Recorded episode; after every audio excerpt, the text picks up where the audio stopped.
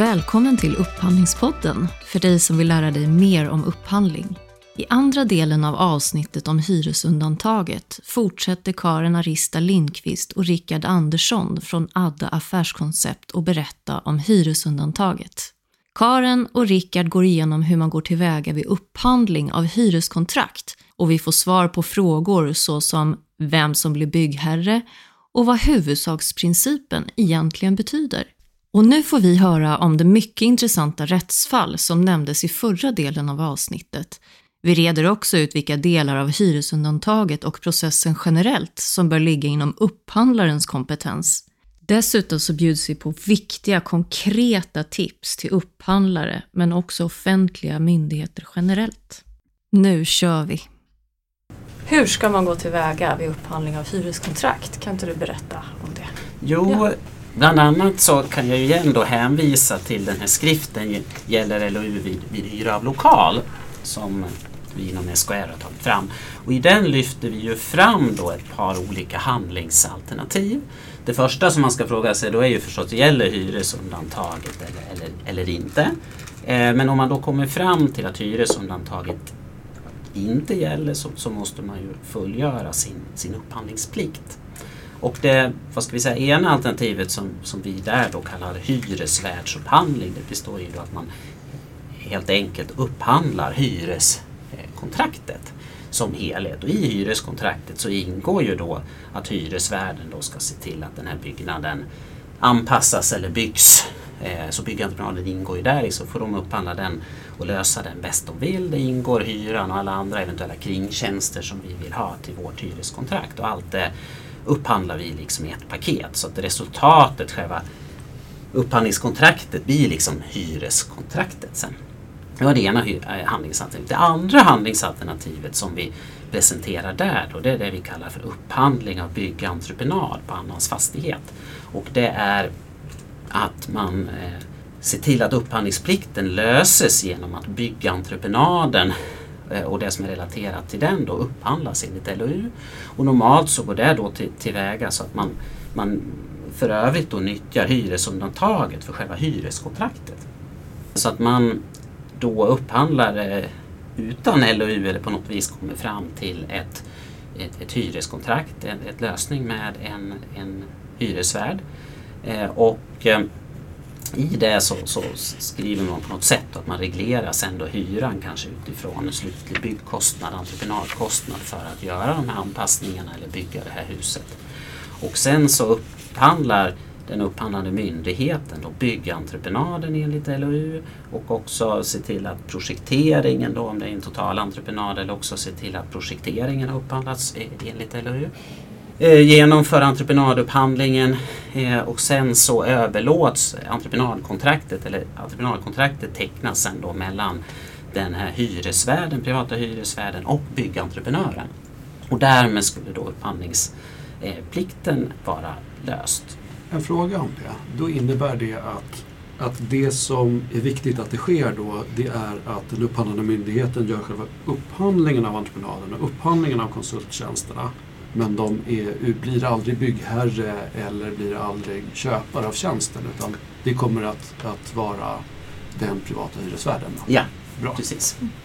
Eh, och det kan ju, en, en anledning till det kan ju till exempel vara att man, man också det är att man vill ha en lokal i ett område eh, där man helt enkelt inte äger någon mark eller det finns bara en hyresvärd tänkbar eller väldigt få i det geografiska området. Liksom. Och, och, då är det ju svårt också kanske att göra en, till exempel en hyresvärdsupphandling för det är bara en som kan lämna anbud i, i varje fall och då kan man ju i varje fall få byggentreprenaden eh, konkurrensutsatt.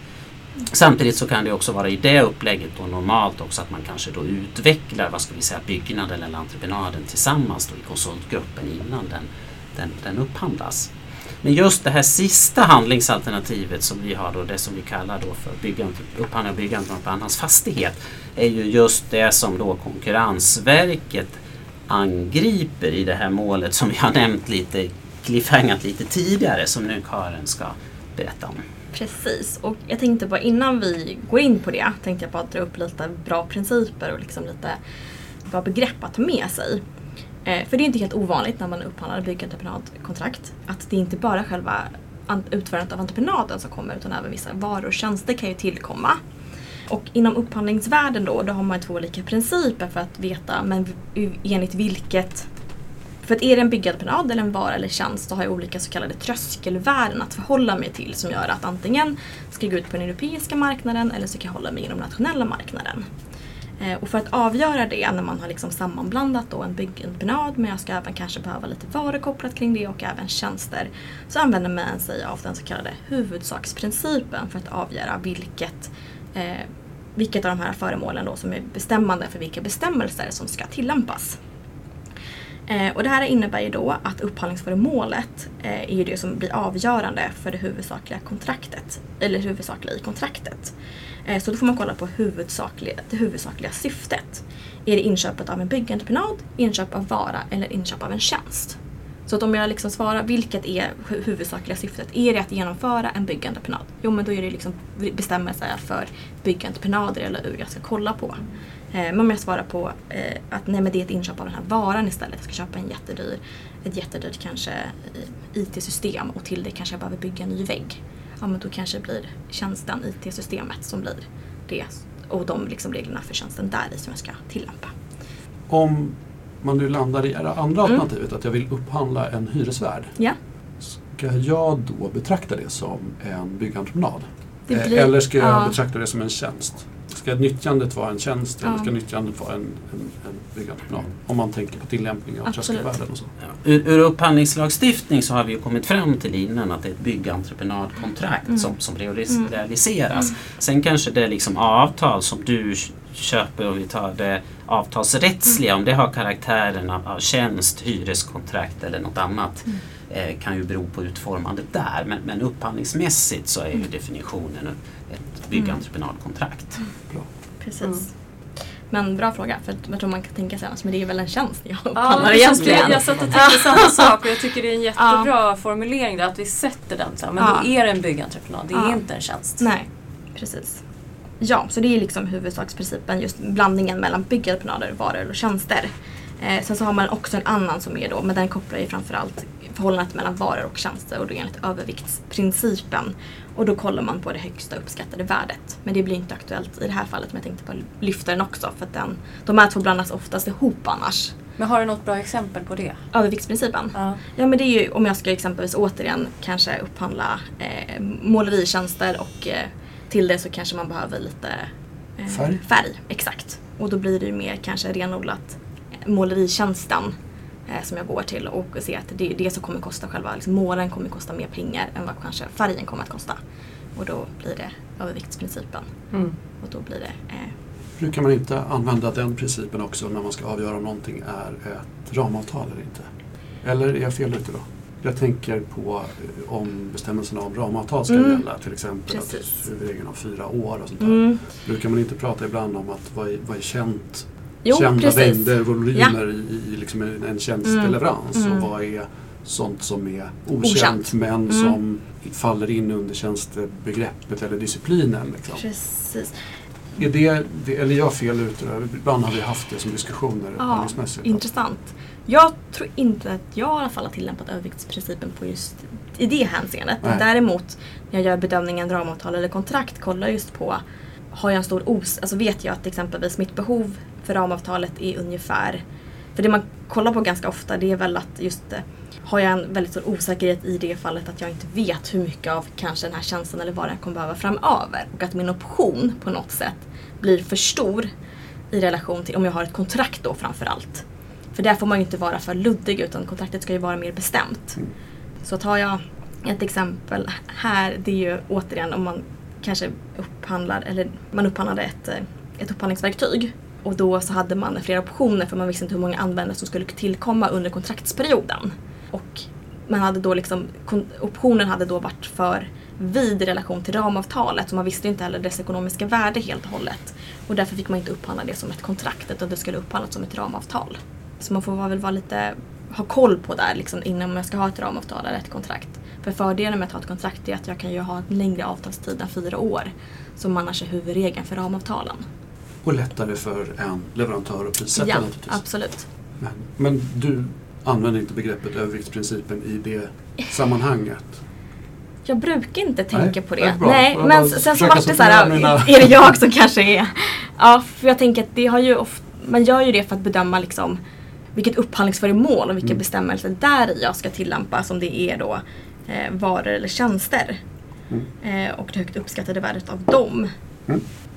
Men Så också att- i det här sammanhanget, Ja. för att ta tillbaka till Yes, det, till det precis. så pratar vi inte Nej. överviktsprincip utan Ja, huvudsaksprincip. för den är den enda som kommer aktualiseras vid entreprenader. Så det är en väldigt rätt så huvudregel. Och jag tycker Ja. att den är lite svår att förstå Ja, utifrån när man pratar om vad det huvudsakliga syftet Ja. är. Är det hyra, Mm. nyttjande av lokaler eller är det att Mm. åstadkomma lokalerna mm. genom att bygga dem? Mm.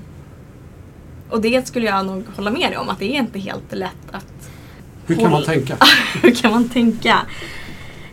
Det som blir knepigt tror jag, eller det, jag, tänker återigen lite kopplat eh, till de diskussionerna som också föranletts, eller som, som uppstår mer och mer, det är just att även om jag försöker tänka att det här är ett mer renodlat hyreskontrakt så kommer det att tillkomma små kanske entreprenadarbeten eller någonting behöver utföras. Något lås kanske behöver bytas ut eller att eh, jag behöver byta ut en dörr eller liknande. Alltså det, det kommer ju finnas sådana element i det. Eh, och för det man har försökt göra med huvudsaksprincipen som jag tror, eh, som Konkurrensverket i alla fall säger att det kanske inte är helt rätt att göra det. För att i relation till huvudsaksprincipen pratar vi också om odelbara eller delbara kontrakt. Som också liksom följer med lite grann i begreppet. Som gör det ytterligare att det kanske inte är helt lätt och att man behöver kanske försöka särskilja i den mån det går. Men det är inte alltid helt lätt. Eh, och eh, när man pratar också om just det här begreppet delbara eller odelbara kontrakt. Eh, så när vi pratar om ett delbart kontrakt eh, så finns det delar som kan särskiljas objektivt. Eh, och det är också lite flummigt, vad menar vi egentligen med objektivt?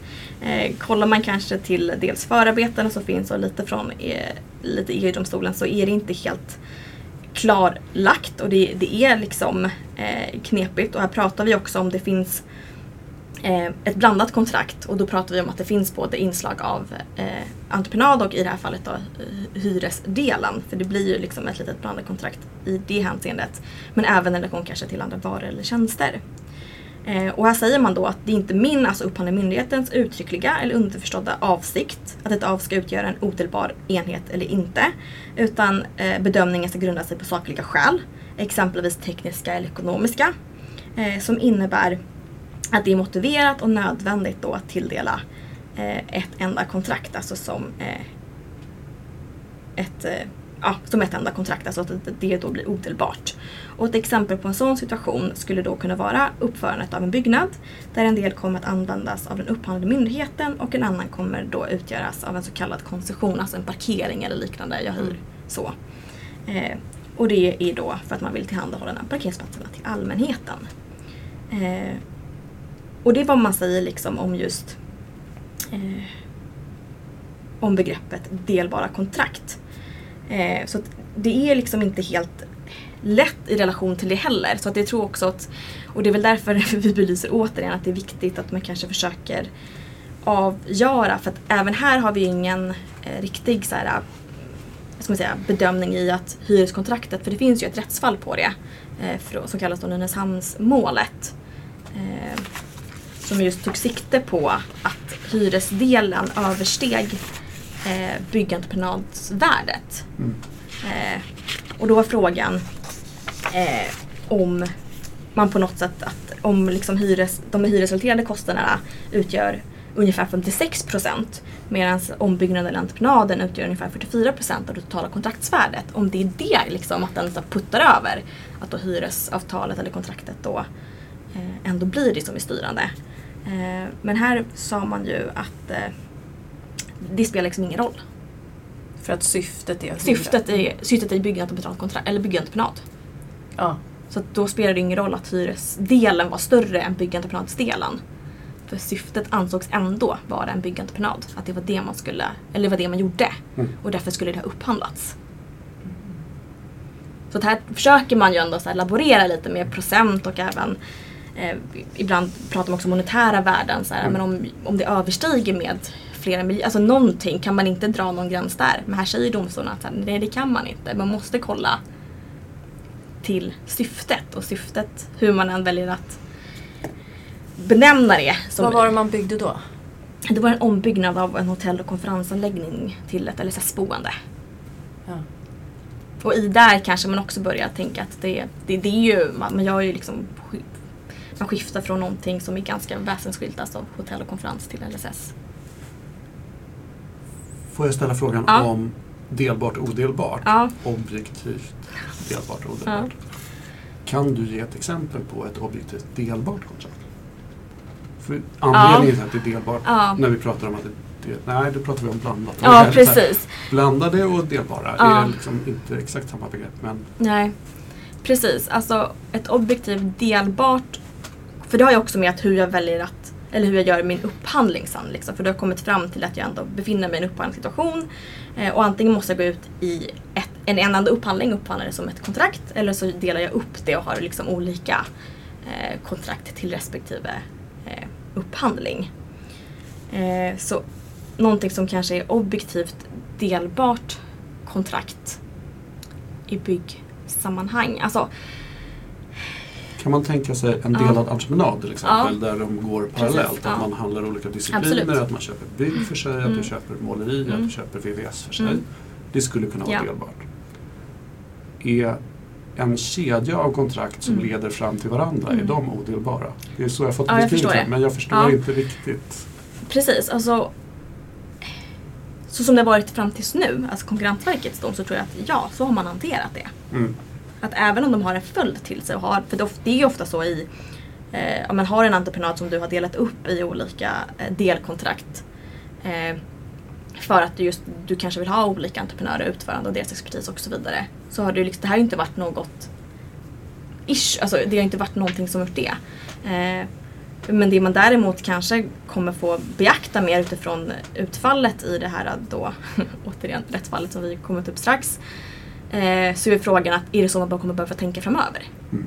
Att även om jag har ett projekt, alltså jag ska renovera eh, eller bygga en ny, eh, en ny bostad eller en ny fastighet eller vad det må vara och de här liksom har en sån pass eh, relation till varandra, till varandra att de liksom jackar in i varandra på det sättet att jag måste se dem som en odelbarhet. Mm. För, att, för det har ju lite, inte helt samman, men det har ju också lite med just när man räknar, ibland ska räkna på upphandlingens värde. Mm. Och då pratar vi om att jag har, om jag har delat upp det i olika kontrakt så måste jag ändå räkna samman dem. För att, komma, för att se så här, om hamnar jag under eller över tröskelvärdet. Mm. Eh, och den tänker jag har man ju tänkt då att jo men då räknar man ju samman dem och så ser man vart man hamnar. Mm. Eh, men i det här har det mer om att ska jag, kan, jag ens, kan jag ens separera dem? Eller måste jag även i de fallen räkna ihop dem? Mm. Eh, och jag tänker fortfarande väl att man borde kunna separera dem eh, så. Men just med hyresbiten så blir det ju en ytterligare komplex, eller komplexitet i frågan. Mm. Och det är väl där inte riktigt man kanske har något fullständigt svar än. Nej. Jag tänkte att ett, ett hyresavtal för en Mm. lokal som har en specifik användning Mm. förutsätter att den ställs i ordning, att den Mhm. byggs och att den, det var där Ja. jag tänkte om det fanns en, Precis. ja, åtminstone känner jag igen det resonemanget från Ja. Konkurrensverket. Ja. Och, precis, och jag tänker att vi kan ju gå in på det nu för det, det är ju verkligen alltså väldigt intressant. Eh, och det finns ju som alltid två olika eh, aspekter på det hela. Men om vi tar lite bara kort bakgrund. Att det är ju Domstolsverket eh, och det är Konkurrensverket som har utfört en tillsyn eh, av, en, eh, av ett förfarande som de har gjort då. Och Domstolsverket har ju varit i behov av nya lokaler i Jönköping. Och eh, har försökt kolla lite internt först men de har inte hittat och sen så blev de kontaktade av en eh, hyresvärd, eh, då Castellum. Och efter en dialog så, och de har visat på lite förslag på fastigheter som de har och så vidare så har de sagt att men här, här har vi någonting, vad tror ni om det? Och då säger Domstolsverket, ja men det låter intressant, vi ingår ett eh, hyreskontrakt. Eh, och kopplat till det här har man också haft en så kallad genomförande, ett genomförandeavtal. Då man har skrivit, eh, lite som Rickard nämnde, de här olika vägvalen. Att här har man ju först gått ut och bara sagt att vi vill ha er som hyresvärd. Eh, så då har man ingått ett hyreskontrakt med dem. Eh, sen så parallellt ska man då upphandla, Eh, eller har upphandlat då också, eh, olika typer av entreprenader som har kommit till följd av det här. Alltså just färdigställandet och liksom iordningssättandet av lokalen. Och sen så ska de här kontrakten då som Domstolsverket har ingått övertas då av Castellum. Och sen så när byggnaden är klar och färdig så ingår ju de, eh, Castellum och Domstolsverket ett hyreskontrakt.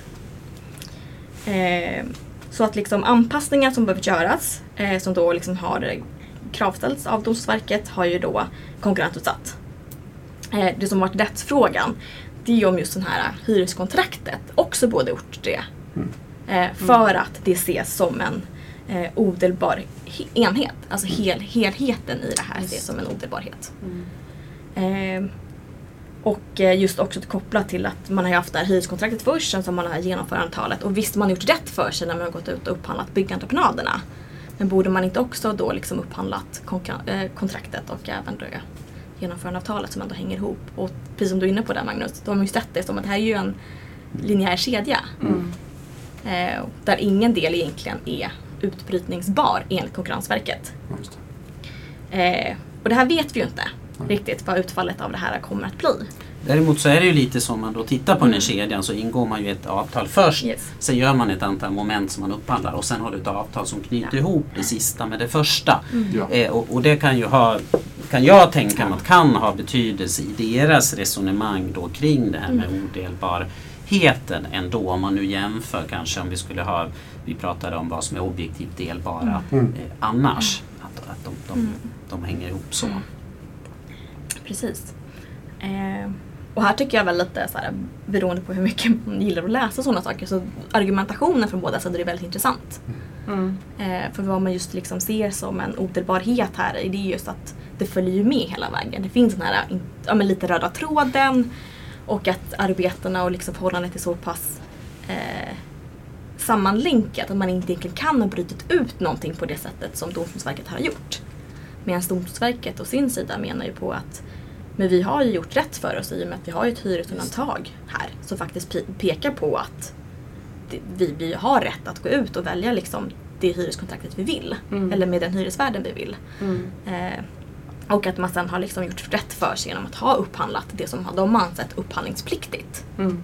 Eh, och att det också är ett väldigt vanligt förfarandesätt liksom, i Sverige idag att man gör på det här sättet för att man vill just välja sin hyresvärd så och inte behöva konkurrensutsätta det. Men vi vet inte riktigt om det här, eh, hur det kommer att slå eller vad det kommer bli för dels effekter, Mm. jag tänker att det kan bli ganska, ganska långtgående för branschen i dess helhet. Eh, eftersom det är ett väldigt vanligt förfarandesätt. Eh, men också liksom i följd, full, full, full, eller ska man säga, följderna av just också odelbarheten. Om det kommer bli så att man ska tänka så större eller om det bara är ju visst blandningen av hyra och entreprenad. Eh, så det får vi helt enkelt vänta och se lite grann. Och vi kan väl säga att tidsmässigt, det tillsynsbeslutet kom ju i slutet på förra året. Och sen överklagades det ju då till förvaltningsrätten där det nu ligger. Eh, och vi tror att det kommer att dröja ytterligare ett tag innan det kommer en dom från Precis. förvaltningsrätten. Och det är väl en relativt hög sannolikhet här att, och kanske bra eh, också eventuellt i det här fallet, att det skulle drivas vidare till i Ja. alla fall kammarrättsnivå kan man väl Exakt. misstänka. Mm. Så det kommer nog att dröja ett tag innan Ja. vi har eh, utfallet av det. Just det, så tillsynsbeslutet kan överklagas sen på motsvarande sätt som vilken överprövning som helst av en upphandling till exempel. Så den kan drivas vidare. Den kan drivas vidare, Mm. precis. Eh, och därför har den drivits, drivits vidare nu då Mm. av Domstolsverket Mm. upp till förvaltningsrätten. För att de, Just det, jo men sen Ja. från förvaltningsrätten Ja, också vidare upp absolut. till kammarrätt och sen så. Är det här typiskt ett sånt mål som man skulle kunna lyssna på ert rättsfallswebbinarium för Ja. att höra mer om? Mm. Ja. Precis. Fast vi har ju fortfarande in- ingen dom. Däremot så Nej. finns ju Nej, tillsynsbeslutet beslutet, och vi har ju också tagit del av yttranden och sånt i Ja. det här målet som är Mm. väldigt omfattande Ja. från, från båda sidor. Då. Så Mm. att, men det man kan väl också, precis som Karen nämner, så är ju det här det absolut vanligaste tillvägagångssättet i, i, i, idag. Eh, och ehm, Någonting som väl vi kan väl möjligen liksom slå ett litet slag för också det är väl ändå kanske det här med hyresvärdsupphandling. Mm. I nuvarande läge om man är, upphandlad myndighet och står det så, så ska man nog vara lite försiktig med det upplägget i varje fall med tanke på den här domen. Och jag tänker mig också att en hyresvärdsupphandling behöver ju inte alltid vara det som många ser framför sig. Det vill säga att du upphandlar ett helt färdigt hyreskontrakt på en färdig i byggnad. Liksom. Utan ofta är det ju så att du, du kanske inte alltid, för att gör upphandlingen så kommer det vara många olika vad ska säga, hyresvärdar som, som kanske kan vara med att tävla om, om vad som ska byggas. Ännu bättre är ju om du som kommun eller något Mm. själv äger en tomt eller något så att du kan få många som är med och så ingår det i upphandlingen att de ska förvärva tomten och sen kanske uppföra fastigheten. Då kan du få mycket högre konkurrens. Men även om, så det som du har det, men även om du inte har det så kan man ju tänka sig att även vid en hyresvärdsupphandling så upphandlar du det i någon form av partneringform där hyreskontraktet eller hyresnivån sen slutligt regleras utefter eventuell kostnad kanske kopplat till slutprodukten så att man i någon form av samverkansform kanske kan projektera och bygga hela den, den, den här eh, lokalen som, som, som man ska ha. Det tror jag var lite bortglömt att hyresvärdsupphandling eh, kan också vara det. Det måste inte vara en helt färdig byggnad så som man har sett i många av de exempel som, som har gjorts. Ett inspel där, för det är ju ett jätteintressant eh, ehm, begrepp och ett tankesätt som också utgår mycket ifrån höll jag säga, en, en successiv framtagning av en entreprenad och en produkt. Som du säger att den kan bero på hur, vad det egentligen kostar att uppföra det här. Men ett alternativ skulle ju egentligen vara att pröva marknaden för vad är den mest innovativa eller effektiva produkten utifrån rena Mm. funktionskrav och vad är i sådana fall hyresnivån för en sån.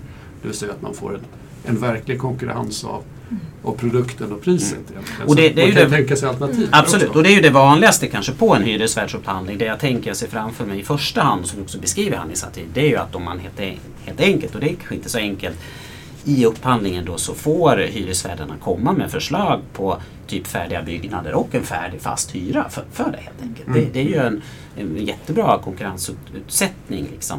Samtidigt så kan det ju ibland vara svårt liksom, att ta fram det och man vill kanske fortfarande in och peta lite i den där byggnaden och så. Då kan det här vara ett alternativ. För jag tror att det har varit en av anledningarna till att många har gått på det alternativet. Det har varit att man inte alltid har varit riktigt färdig med produkten, vad man vill ha också. Det är ju inte så lätt hur som helst lokalanskaffning att få till en bra lokal för sin verksamhet. Det är ju ett jätteprojekt med utmaningar bara om man ska bygga i egen regi. Här ska det vara en annan part som ska göra det åt det. Det är många inblandade, det är långa ledtider, i många fall man har plan frågor, och massa andra liksom beslut och det långa ledtider och byggtider. Jättelånga eh, processer så att det kan hända väldigt mycket under resans eh, gång också.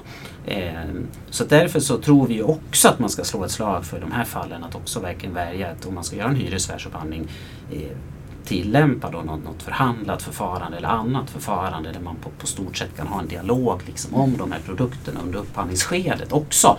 Eh, för att liksom kunna styra det åt rätt håll och då kanske sannolikheten är större också att du lyckas liksom kunna upphandla en helt färdigt hyreskontrakt från, från början. För, det, för det tror jag absolut konkurrensmässigt är det bästa. Men jag tror ofta är man inte riktigt alltid redo för det och i och med att när man går ut vid upphandlingsläget om olika tomter och eller byggnader om man har befintliga ska tävla mot varandra. Det är jättesvårt att utforma ett, upphandlingsunderlag som blir optimalt för, för, för liksom, i vissa fall kanske man får bygga ett högt och smalt hus och i vissa fall ett brett och, och, och långt och, och, vad det nu är. Liksom. Och, och det är väldigt svårt att, att kravställa eller utforma en, en sån upphandling, ett sånt skede. För man vill, måste ju samtidigt verkligen tänka på för att hålla konkurrensen uppe. Det är ju det som är lite den stora utmaningen med det här framförallt, eller i varje fall om man inte har tillgång till egen mark då, som kan vara med i upphandlingen. Att konkurrensen blir ju begränsad, det är ju lite det i det här med, med fastigheter. Liksom. Men, men du säger någonting viktigt där också och det är ju precis som du säger att om man nu ska göra en upphandling att man går in och väljer ett förfarande som täcker upp den komplexitet det innebär. Så att man kan inte utgå ifrån, typiskt sett i alla fall, tanken om att jobba med ett öppet Mm. förfarande och få Mm, ett färdigt absolut. svar. För att man har inte kommit så långt i Mm. processen. Och det är också väldigt långa processer. Stadsbyggnadsprocessen är Mm. lång. Eh, kommunala beslutsprocesser är väldigt långa. Så det, är, ju precis, det måste vara ett förfarande som tål att man successivt tar fram affärscaset också. För. Mm. Jag tycker det är jättebra. Tack. Jag tänker där också ställa lite mer funktionsrelaterade krav också och inte kanske vara för nischade. Just Mm. eftersom vi i förhandlat förfarande så får vi ju inte förhandla om våra så kallade minimikrav. Så att jag tänker att man också där eh, försöker rigga för det. Så att man Mm. gör ganska mycket förhandlingsbart så att man Mm. inte har begränsat det i ett väldigt tidigt skede på ett sätt som man kanske inte har velat. Nej, precis. Ja, det tror vi är väldigt viktigt överhuvudtaget att få med upphandlingsaspekten tidigt i den här processen. Det är ju väldigt långa processer överhuvudtaget. För det första tror vi att hela lokalförsörjningsstrategin ska man ju liksom ligga väldigt tidigt. Man måste ju ligga väldigt långt före vare sig man ska hyra eller bygga i egen regi. Liksom. Men, men eftersom allt tar ofta så, så, så lång tid, i varje fall när vi pratar om, om, om särskilt om ny, nyproduktion. Eh, men, men också slå ett slag för att då ändå om, om, ha med upphandlingskompetens även i det här liksom, strategiska eller planeringsarbetet så att man ändå kan fånga upp det och ta, ta höjd för det. Det tror vi är väldigt värdefullt. Mm. Mm. Mm. Mm. Men eh, har ni några exempel på när man faktiskt har konkurrensutsatt även i, med hyresdelen inkluderat i, i byggentreprenaden? I hela... Ja, nej, men det förekommer ju i, i hyresvärdsupphandlingar som, som genomförs av, av olika upphandlarmyndigheter. Men det är ju inte alls lika vanligt som det andra, andra handlingsalternativet. Men, men det, det, det förekommer ju sådana där man helt enkelt, tänkte jag säga, och det är kanske inte är enkelt, men, men när man, precis som det vi tänker oss, att, att man, man, de får, man får lämna anbud på ett förslag på en, en, en byggnad och så har man med i anbudet en hyra. Så här mycket kommer det kosta att hyra den. Och sen utvärderar man ofta byggnaden, vilken är bäst och kanske poängsätter på, på lite olika kvalitativa kriterier och så i förhållande till, till priset. Och sen antar man den, den, den andra. Anledningen till min fråga är lite kan man se liksom andra typer av aktörer då som blir hyresvärdar i den typen av upphandlingar kontra om man separerar det som en, att man väljer sin värd och sen så har man en, ett, en byggentreprenad separat. Jag kan inte riktigt se, grunden är fortfarande så är det som en lokal, att det är kapitalintensivt. Liksom, att, att, att, att den typen av, av, av aktörer behöver ha tillgång till, till, till kapital som, som man måste ha som, som fastighetsägare. Det är också relativt, i åtminstone vid hyresvärdsupphandling, om man då ska lämna anbud på en färdig byggnad och en hyra så är det ju ett, ett kostsamt och tidsödande anbudsarbete för leverantörerna som, som är med. Ehm, och det kanske man ska fundera på eventuell viss ersättning kanske men i varje fall att det tar väldigt lång tid att ta fram och det är en hög kostnad. Så, så, så det är klart att en, en aktör som är med där måste ju ha finansiella muskler men det måste man ju ha i varje fall om man ska kunna bygga ett helt hus liksom, där man får, får betalt i, i, i efterhand sen. Eh, sen har vi ju idag liksom en, en det som ju är och utmaningen mycket med lokal är ju tillgången också på mark och fastigheter som ju gör att i många fall så kanske man inte har så, så kommun som så många alternativ och så stöter man på. Eller så har vi en, en fastighetsägare redan från början som har en bra tomt i ett läge som är intresserad och det. Är ofta så man kanske kommer, kom, kom, kommer in liksom. Och särskilt i, i, så, så, i, i många orter kanske inte det finns något direkt alternativ om vi vill ha en en skola här och de råkar äga och det ligger så bra så kanske egentligen inte finns någon ledig mark som, som ligger rimligt bra för övrigt. Då har man ju inte så många alternativ heller. Så det är också en av anledningarna då till att upphandla byggandet på annans fastighetslösningen säkert finns där. Men vi har ju sett att den har ju använts vid många tillfällen där man skulle kunna liksom konkurrensutsätta det på ett, på ett annat sätt. Men jag tänker inför alltså just en hyrvärdsupphandling, oavsett vilken upphandling, så är det jättebra att man har leverantörs eller marknadsdialoger för att se just så här, vad, vilka skulle ens vara intresserade av det här. Mm.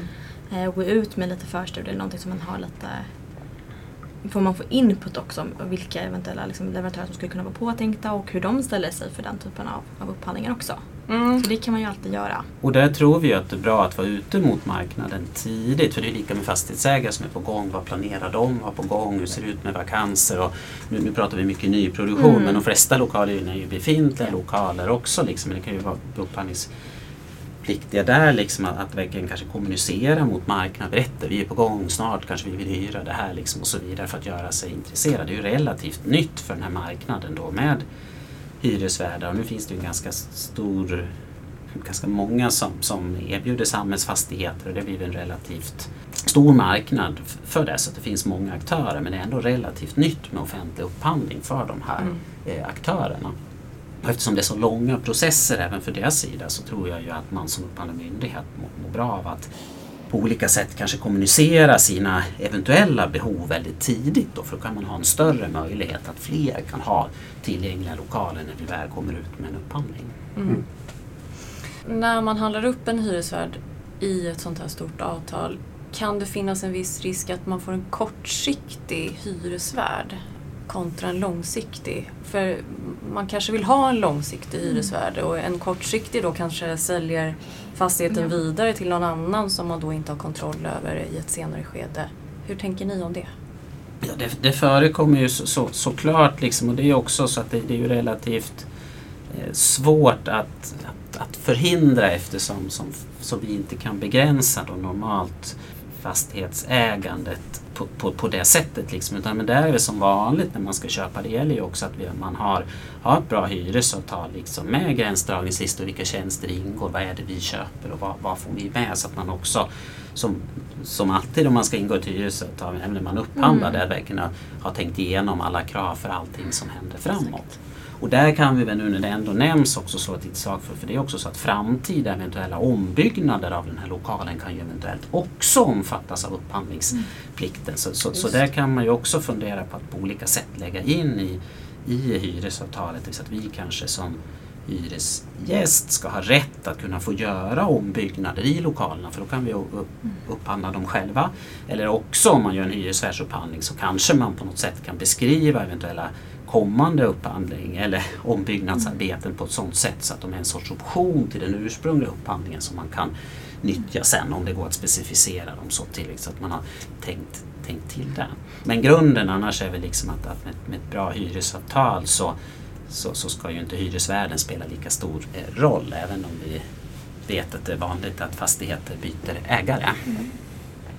Och jag tänker den risken som du påpekade Jessica, den finns ju alltså lite alltid. Alltså även om jag väljer en hyresvärd eller går ut med hyreskontraktet så kan den ju välja att sälja om ett år.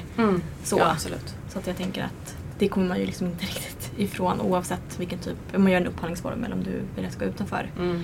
eh, LOU. Men däremot precis som jag tror att som vi är lite inne på så är det viktigt att man kanske skaffar sig en marknadskännedom innan man går ut med en hyresvärdsupphandling. För att just se så här, vilka, för, alltså vilka också finns på den orten jag är etablerad. Ja. Eh, så att man har, får liksom en bättre eh, kännedom av den anläggningen också och tar dialoger med dem, hur de ser på samarbetet, vad som är viktigt där i. Och man kan ju också alltså i upphandlingsunderlagen säga att samarbetet är viktigt och man också tar in sådana aspekter även liksom löpande både under själva upphandlingsprocessen men även sen under avtalstiden och koppla det på olika sätt. Och är det så att man kanske byter fastighetsvärd under tiden har liksom olika, någonting kopplat kring det rent avtalsmässigt så att man ändå liksom förpliktigar sig och lite sådana saker så att det inte bara faller. Ja, så att det håller liksom hela vägen också i och Mm. med att man ändå ingår ganska långa kontakttider på det här också. Men ska man samma- sammanfatta den frågan egentligen, då är det viktigare att fokusera på avtalet och produkten, eller avtalet som rör produkten, än den som faktiskt äger den. Mm. Eftersom vi inte kan begränsa Nej. det. Och här är ju det en viktig del i dialogen mot marknaden också. Mm. Eftersom det har varit ett försäljningsargument från en del av Mm. samhällsfastighetsbolagen. Men Mm. eh, man är naturligtvis medveten om det också. Ja. Och jag tänker att om det, om, alltså, eftersom det vanligaste har varit att jag går till en hyresvärd eh, och säger att nu behöver vi det här, vad har ni för, eh, ja, vad har ni för lokaler eller liksom, fastigheter som vi kan hyra? Och så att det kanske kommer bli, beroende på utfallet i det här målet med Konkurrensverket och Domstolsverket, eh, att det kanske kommer bli en upplärningsprocess av de entreprenörer vi har på marknaden av att så här, det här är vi, vi att förhålla oss till nu. Hur kan vi bäst lösa det? Så jag tror att det kanske kommer också bli en ganska ja, men upplärningsperiod och liksom skapa väldigt mycket dialog automatiskt till följd av eventuellt utfall Mm. i det också. Jag skulle vilja fråga er, vad får ni för intryck att de offentliga verksamheterna står i det här själva? Vad får ni för frågor? Hur, hur svårt tycker man att det är? Hur väljer man att göra i många fall? Vad ser ni händer där ute utifrån er, ert perspektiv? Det vi, det vi märker också, eller hör då, det är att många på olika sätt där ute blir också uppvaktade utav olika typer av aktörer som, som vill erbjuda, som kanske har tomter, vill erbjuda färdiga eh, lösningar. Och då är frågan, liksom, kan, då är frågan gäller hyresundantaget lite här Mm. inte? Kan vi ingå avtal? Kan vi då nyttja det här handlingsalternativet? Och så. Eh, Den typen av, av frågor får vi ganska, ganska ofta och ganska ofta så tror jag att det i de som kommer så, så är det ganska ofta att man det har dragits igång av att man har blivit kontaktad av aktörer som har bra tomter som, som har kommit igång.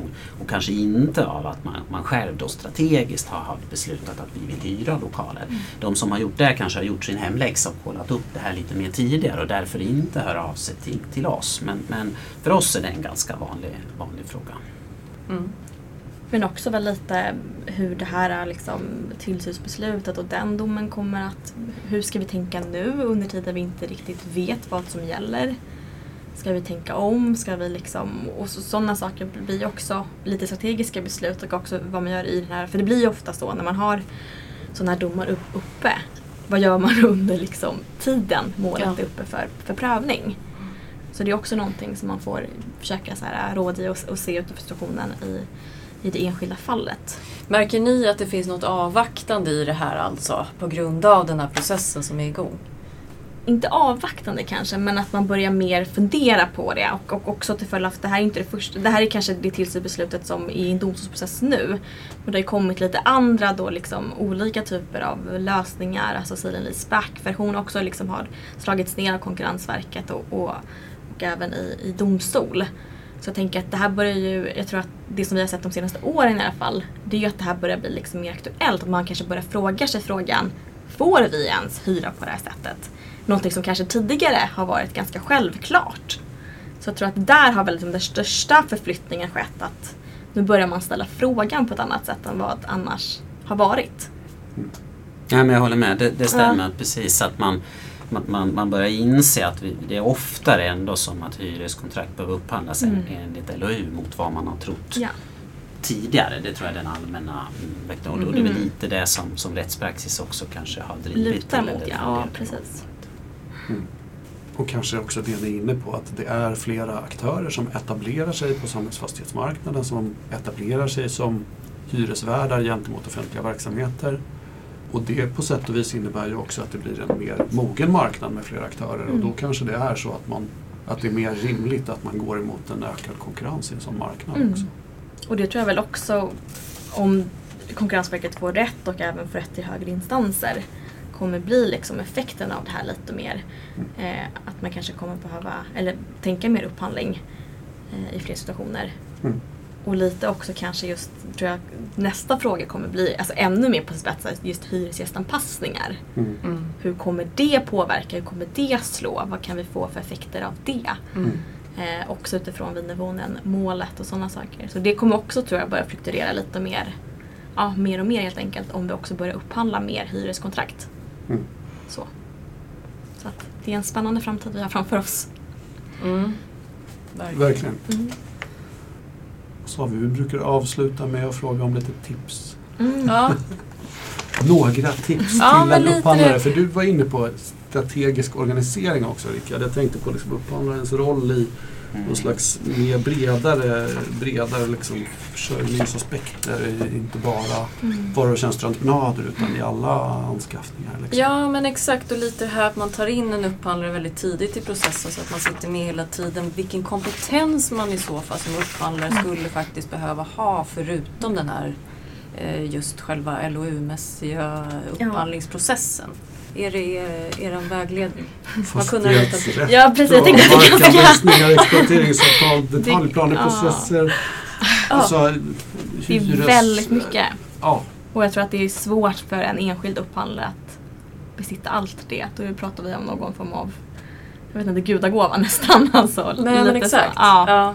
ja. Eh, så det är framförallt att ha ett, alltså jobba i och det är väl också väldigt olika från liksom myndighet, till, eller, alltså myndighet till myndighet. Vissa myndigheter är väldigt stora, har liksom väldigt alltså, mycket kompetens inom sig där man också kan använda olika eh, discipliner och olika liksom, personer från olika verksamheter eller avdelningar. Medan mindre upphandlande myndigheter kanske inte har och det kanske är en, alltså en enskild upphandlare som sitter där. Och de här frågorna kan ju bli jättekomplexa och svåra. Mm. Eh, och då får man ju absolut ta kontakt med eventuella lokalstrateger och sådana saker och vara inkopplad i, i det skedet. Eh, men jag tror att det viktigaste det är väl verkligen att man för en dialog så tidigt som möjligt och också liksom innan man ens kommer ut i så här, nu ska vi gå ut med vare sig en hyresvärdsupphandling eller vi, vi går ut och ingår ett hyreskontrakt. Eh, att föra liksom en tidig dialog då man också har en så tydlig försörjningsstrategi inom organisationen där man sätter att jo men de här byggnaderna kommer vi behöva göra det här med eller vi kommer att behöva det här Mm. i, i ett tidigt skede så att man inte sitter kanske året innan man har behovet och säger vad ska vi göra nu? För det är annars väldigt tyvärr vanligt att man hinner ju inte på grund av tidsbrist och att man har jättemycket annat att göra. Och jag tror väl att, vad brukar man säga att snittet per upphandlare per kommun eller så här, i hela upphandlar-Sverige, knappt en tror jag att det är.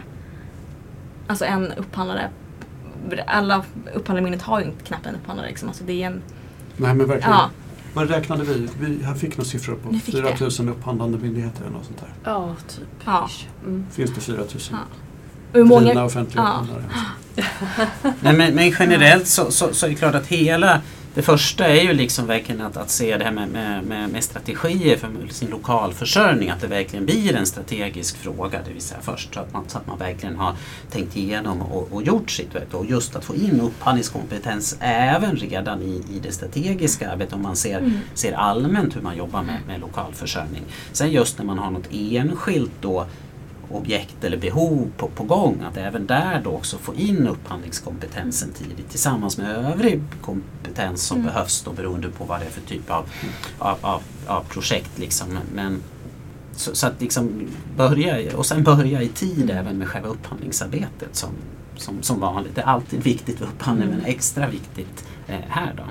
Mm, precis. Och inte minst då planering Ja, framgent Ja. med upphandlingen. Ja. Så jag skulle vilja säga också om jag hade jobbat som upphandlare på en mindre organisation som kanske inte har alla kompetens eller så liksom kan rycka. Det är väl att höra också med mina grannkommuner eller grannorganisationer att se så här, hur gör ni de här frågorna? De kanske har någon eller har upprättat något dokument för hur man ska hantera den här typen av frågor. Eh, annars kolla liksom olika typer av eh, ja, men, våra vägledningar såklart eller liksom andra intresse eh, eller om man kan på något sätt skapa sig en liten grupp eller liksom någon form av Kom, Nätverk. ja, nätverk, exakt. För jag tror att det är väldigt viktigt i de här frågorna så man inte är ensam i det. För jag tror att det kan oftast vara ganska övermäktigt om man är eh, en relativt mindre kommun med en ensam upphandlare då som ska hålla på med de här frågorna. Mm. Sen så- tror vi väl också liksom att ändå i det här i det strategiska man väl ska komma fram till vi, vi kommer ju oftast in när man redan har bestämt sig att man ska hyra också men att verkligen göra sina liksom kalkyler och så vidare. Komma fram till liksom, som varför är det vi vill hyra och hur, hur ser det ut liksom, och vad har vi för olika alternativ. Att göra den liksom, hemläxan också i ett tidigt skede så att man kan, kan jobba med det i sin projektstyrning. För liksom, det, det med, med, med kostnad och eh, kostnad och, och produkt och vad man nu vill ha. Att det blir lite svårare att, att få kontroll kanske över ett helt projekt när man lägger ut det till någon annan mot om man driver det, driver det själv. Och även ta extern hjälp om det behövs liksom, för att man inte kan besvara alla frågor utan man har ett hum om hur det vill. Alltså, så. Mm. så när man tar in någon som kanske kan kika på det lite extra eller komma med lite, lite input kring det. Det tror jag också är väldigt viktigt. Men skulle ni säga att hyresundantaget ligger i den kompetensen en upphandlare ska ha i den rollen?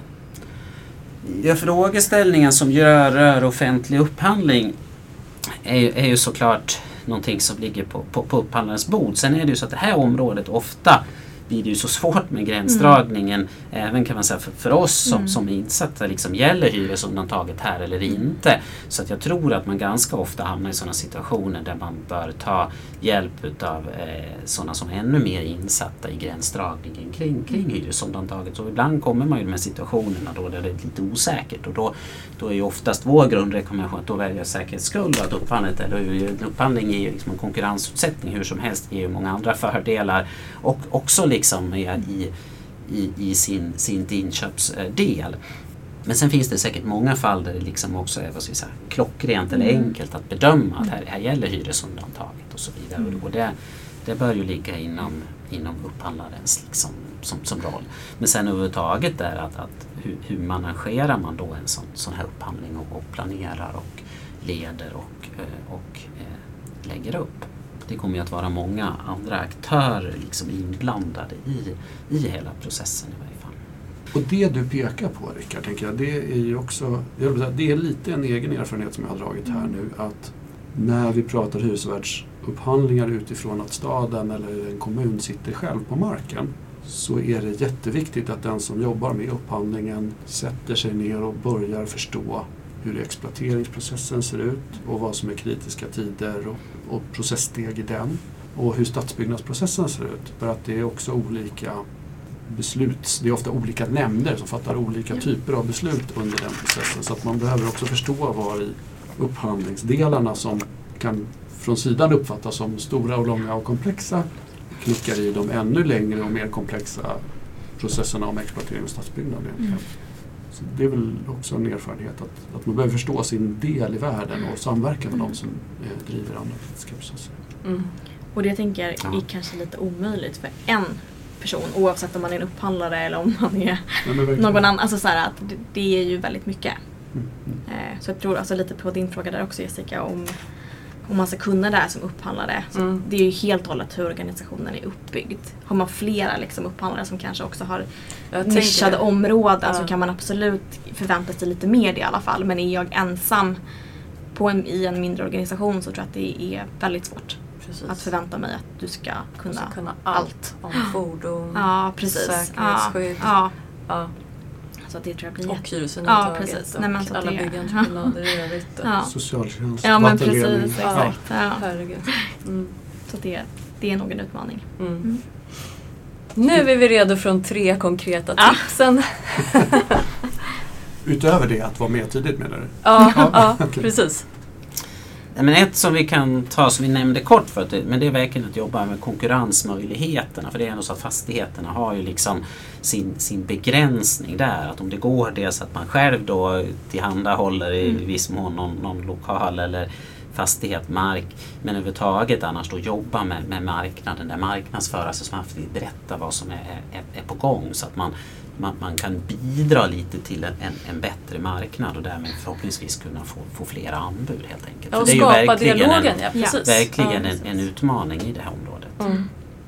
Och sen så blir också, den andra blir ju just där, ja men våga ta hjälp och eh, rådfråga, alltså nätverk, skapa sig ett om man inte har ett. Och även i den mån det är möjligt liksom, ja men våga liksom ta hjälp från olika expertiser eh, så, men också kanske behöva ta in någon lite externt. Eh, för att det är knepigt och särskilt precis som du är inne på Magnus där, om det är flera liksom jag ska också kolla på den kommunala processen kopplat kring det och så beroende på hur jag är indelad om jag har olika som ger marken och olika som ger eh, plan och bygg. Alltså det blir liksom många olika delar att ha koll på. Och det kanske inte ens eh, en renodlad entreprenadupphandlare kanske heller kan men att man behöver nog få lite mer koll på det. Så. Och sen så den tredje tänker vi väl är, är tidsaspekten. Att börja Ja, nej, men den vill vi slå ett slag igen Ja. för även om vi har nämnt det flera gånger tidigare och så, så, så är det ännu viktigare liksom här och förståelse kanske för hela tidskedjan med, med, med alla grejer både hos Mm. oss och hos hy- hyresvärden Mm. och omvärldsfaktorer som verkligen påverkar särskilt vid nyproduktionen, även vid, vid, vid ombyggnad Mm. så, så kan det vara väldigt långa eh, led, ledtider. Och ofta så har du ju liksom så att när man ska ha sin lokal också så, så är det ju för att du har kanske något nytt behov som kommer eller att du måste ersätta något annat. Liksom. Så det gäller att det jackar ihop med det som du ska ha lokalen till i andra änden eh, också. Eller den som ska flytta ut eller vad, vad det nu är som ska, och sen ska in i den nya lokalen. Så det, det, det är mycket att få ihop där. Och lite bara just kopplat till det här med dialog. Det, att det finns ju, eller har funnits i alla fall en liten rädsla från upphandlande myndigheter och enheter att föra dialoger med marknaden och särskilt med leverantörer. Och jag tänker det är ju, ja men i vissa, alltså vissa har ju haft det lite grann så jag tänker att i, i det så gör det. Alltså jag menar alltså man får ju så himla mycket av att skapa dialoger och ha Mm. liksom en, en, en, en uppfattning om, om hur det faktiskt är på marknaden. Så jag tänker att våga, våga genomföra det. Alltså just prata med marknaden. Hur ser det ut? Vad ser de för utmaningar? Hur kom, har de någon uppfattning om hur det kommer se ut om några år? Eller se, vad ser de som händer liksom? Sådana saker får man ju verkligen, all sån input är ju jätteviktig. Så. Mm. Ja, det är ett bra inspel. Mm. Det är viktigt. Jättebra, och det har ju återkommit i alla de samtal vi har haft Ja. egentligen. Dels att jobba med olika kompetenser Mm. och dels det jättevärdet av dialog. Ja. Mm.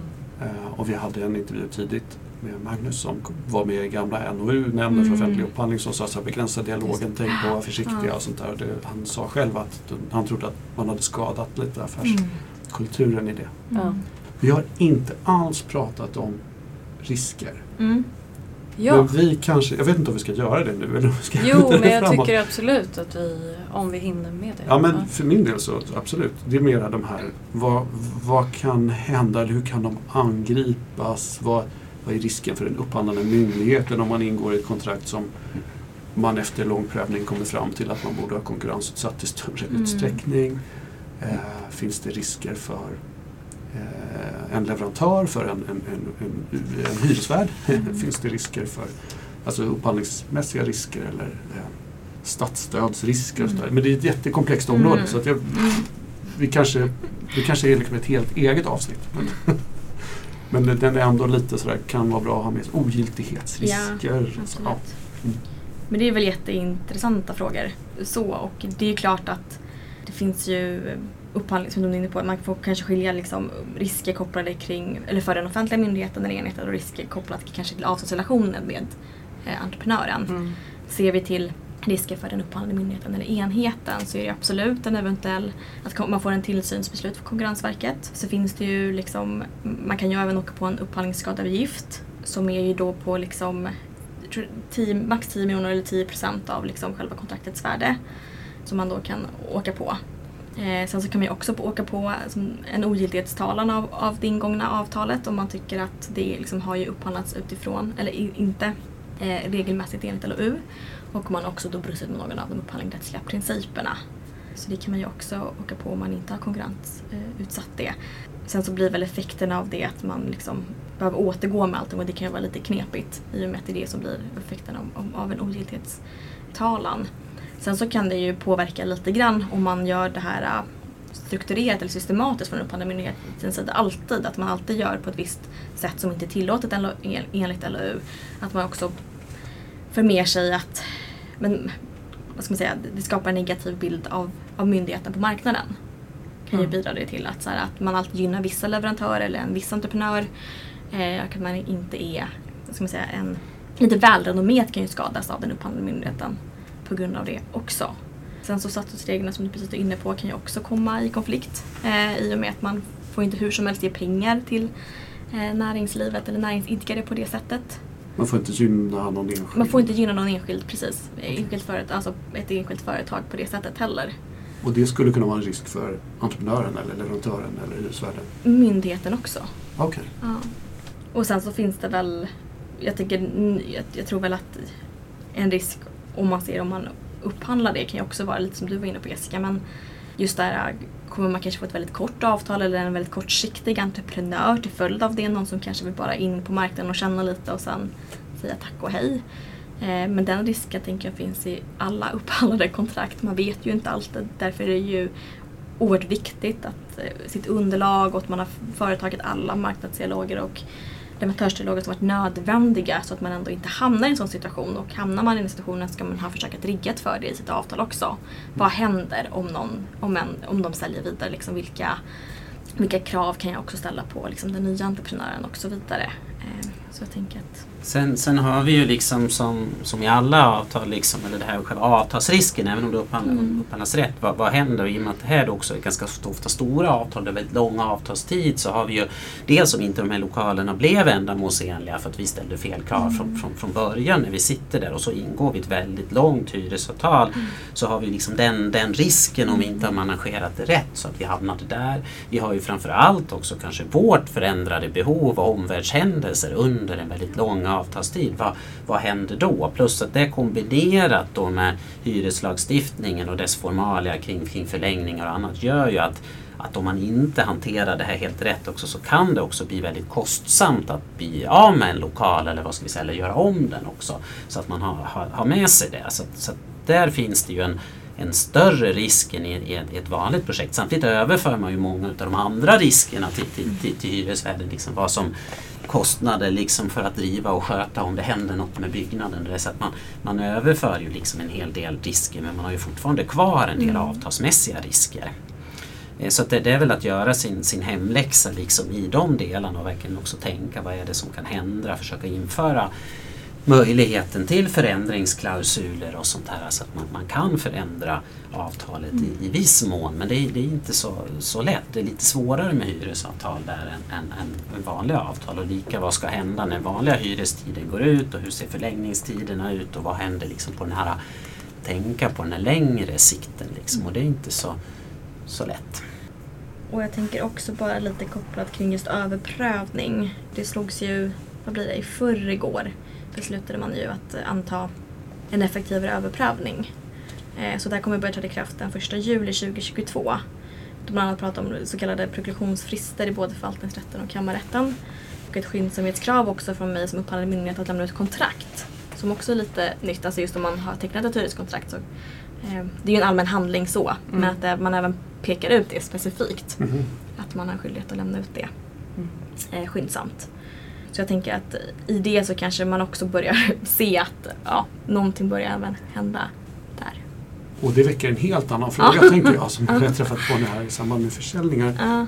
Som handlar höll säga, om affärssekretess tills Mm. dess att man kan verkställa kontraktet. mm, Ja, det, är en, Jo, det är en annan i- fråga. Men, men om man nu ska lämna ut kontraktet skyndsamt Yes. och finns villkor i det som skulle Mm. kunna vara känsliga tills dess att kontraktet är, alltså redo att, att verkställas. Mm. Det Alltså, när, när, det, börjar- har, när det ja. får rättslig verkan Ja. kan man säga. När en, en, en, ett fullmäktige Ja. kanske har fattat Ja. ett beslut om att det här kontraktet ska fullgöras. Ungefär så. Eh, då får man kolla i en allmän handling. Och då kanske det inte är det helt och hållet förrän det har tagit beslut. Så. så då får man ju falla tillbaka till lite tryckfrihetsförordningen där, andra kapitlet om allmänna handlingar. Vi skulle kunna ha ett helt egen sittning om offentlighet. Absolut. Det är lite ett nörderi för mig. Så att, Härligt!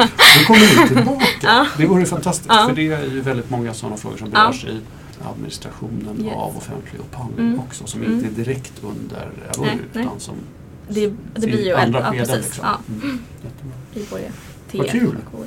Mm. Ja. Jo, men jag har en fråga till och det är, eh, jag undrar vad tycker ni att det saknas för information där ute? Någon typ sammanhållande information kring det här eller någon sammanhållande organisation som förmedlar just de här kunskapsfrågorna och den här informationen. Eh, finns det någonting som ni specifikt tycker skulle behövas? Ja, men som vi nämnde tidigare så, så finns det ju inte så mycket, mycket information i sammantaget. Och där kan, man ju, kan jag tycka kanske att Upphandlingsmyndigheten skulle kunna tagit fram ett större stöd i en del av de, de, de här frågorna. Sen har vi ju också det här med till exempel då statliga myndigheter ju som har en särskild förordning att man inte ens får äga sina Mm. lokaler och en stor del utav de här, eh, vad ska vi säga, fallen och, och, och för övrigt de som gör hyresvärdsförhandlingar är ju också statliga myndigheter av det som, som då kanske också skulle, tror jag, sa, behöva liksom mer stöd i, i det området och jag är inte helt säker på att deras rekommendationer är också lika det med hur den eh, materialet liksom är utformat och de behöver ju också tillstånd om de ska ha längre hyresavtal och så vidare. Att hela den, den statliga regleringen kring det borde kanske ses, ses över och att, att det också vore kanske lämpligt där att det tog fram vägledningar inom, inom den sektorn. Men, men eh, Upphandlingsmyndigheten skulle inte skada om, om, om kom med någonting mer, mer samlat också. Annars tycker vi att SKRs skrift, och det har vi ju märkt då, har, har fyllt en viktig funktion där i varje fall. Absolut, Sen finns det ju fortfarande många obesvarade frågor och det, det skulle väl säkert finnas i Upphandlingsmyndighetens ma- material eh, också. Men vad, vad tiden lider här så hoppas vi att det klarnar mer och mer. Mm. Och det kanske kommer efter den här domen, när den väl kommer. Tänker jag också lite mer Ja. så. Men man märker ju att det är, ja just att som du är inne på Rickard, att de vägledningarna som vi har tagit fram i samråd med SKR har ju verkligen varit väldigt viktiga. Mm. Men jag tänker också det ni alltså sådana här forum och allt det som gör för att komma ut med att det är inte kanske jättelätt alltid och att det behövs flera kompetenser och att det är komplext. Det är också väldigt viktigt för då belyser man ju ändå vikten av det och också vad det kan liksom finnas för ja, men olika risker och olika situationer kopplade till det, till det också. Mm.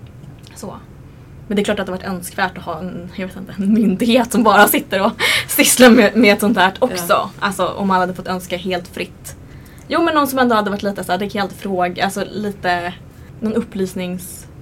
Någon upphandlingsmyndighet. Ja men någon, någon upplysningsportal eller någonting liknande. Nej, men ja. Ja. Det gäller så både och. Man får ju en viss känsla av så pionjärskap även i, liksom, i upphandlingsverksamheten. Nu, så här, jag jobbar i offentlig sektor Mm. med upphandling. Så här. Det är att utforska nytt och pröva nya saker. Det Verkligen. kanske inte ser ut så men det, Fast jag tycker ju att det är varje dag, eller så här, väldigt mycket i allt det man gör. Det är så här, dilemman och Ja, men- eh, funderingar. Ja. Mm. Ja. och det är, vilket är skönt för mig som är jurist, men just att det inte finns ett rätt svar. Mm. Eh, alltid. Mm. Att just att det alltid så att det beror på omständigheterna, det beror på liksom eh, hur det ser ut i det specifika fallet.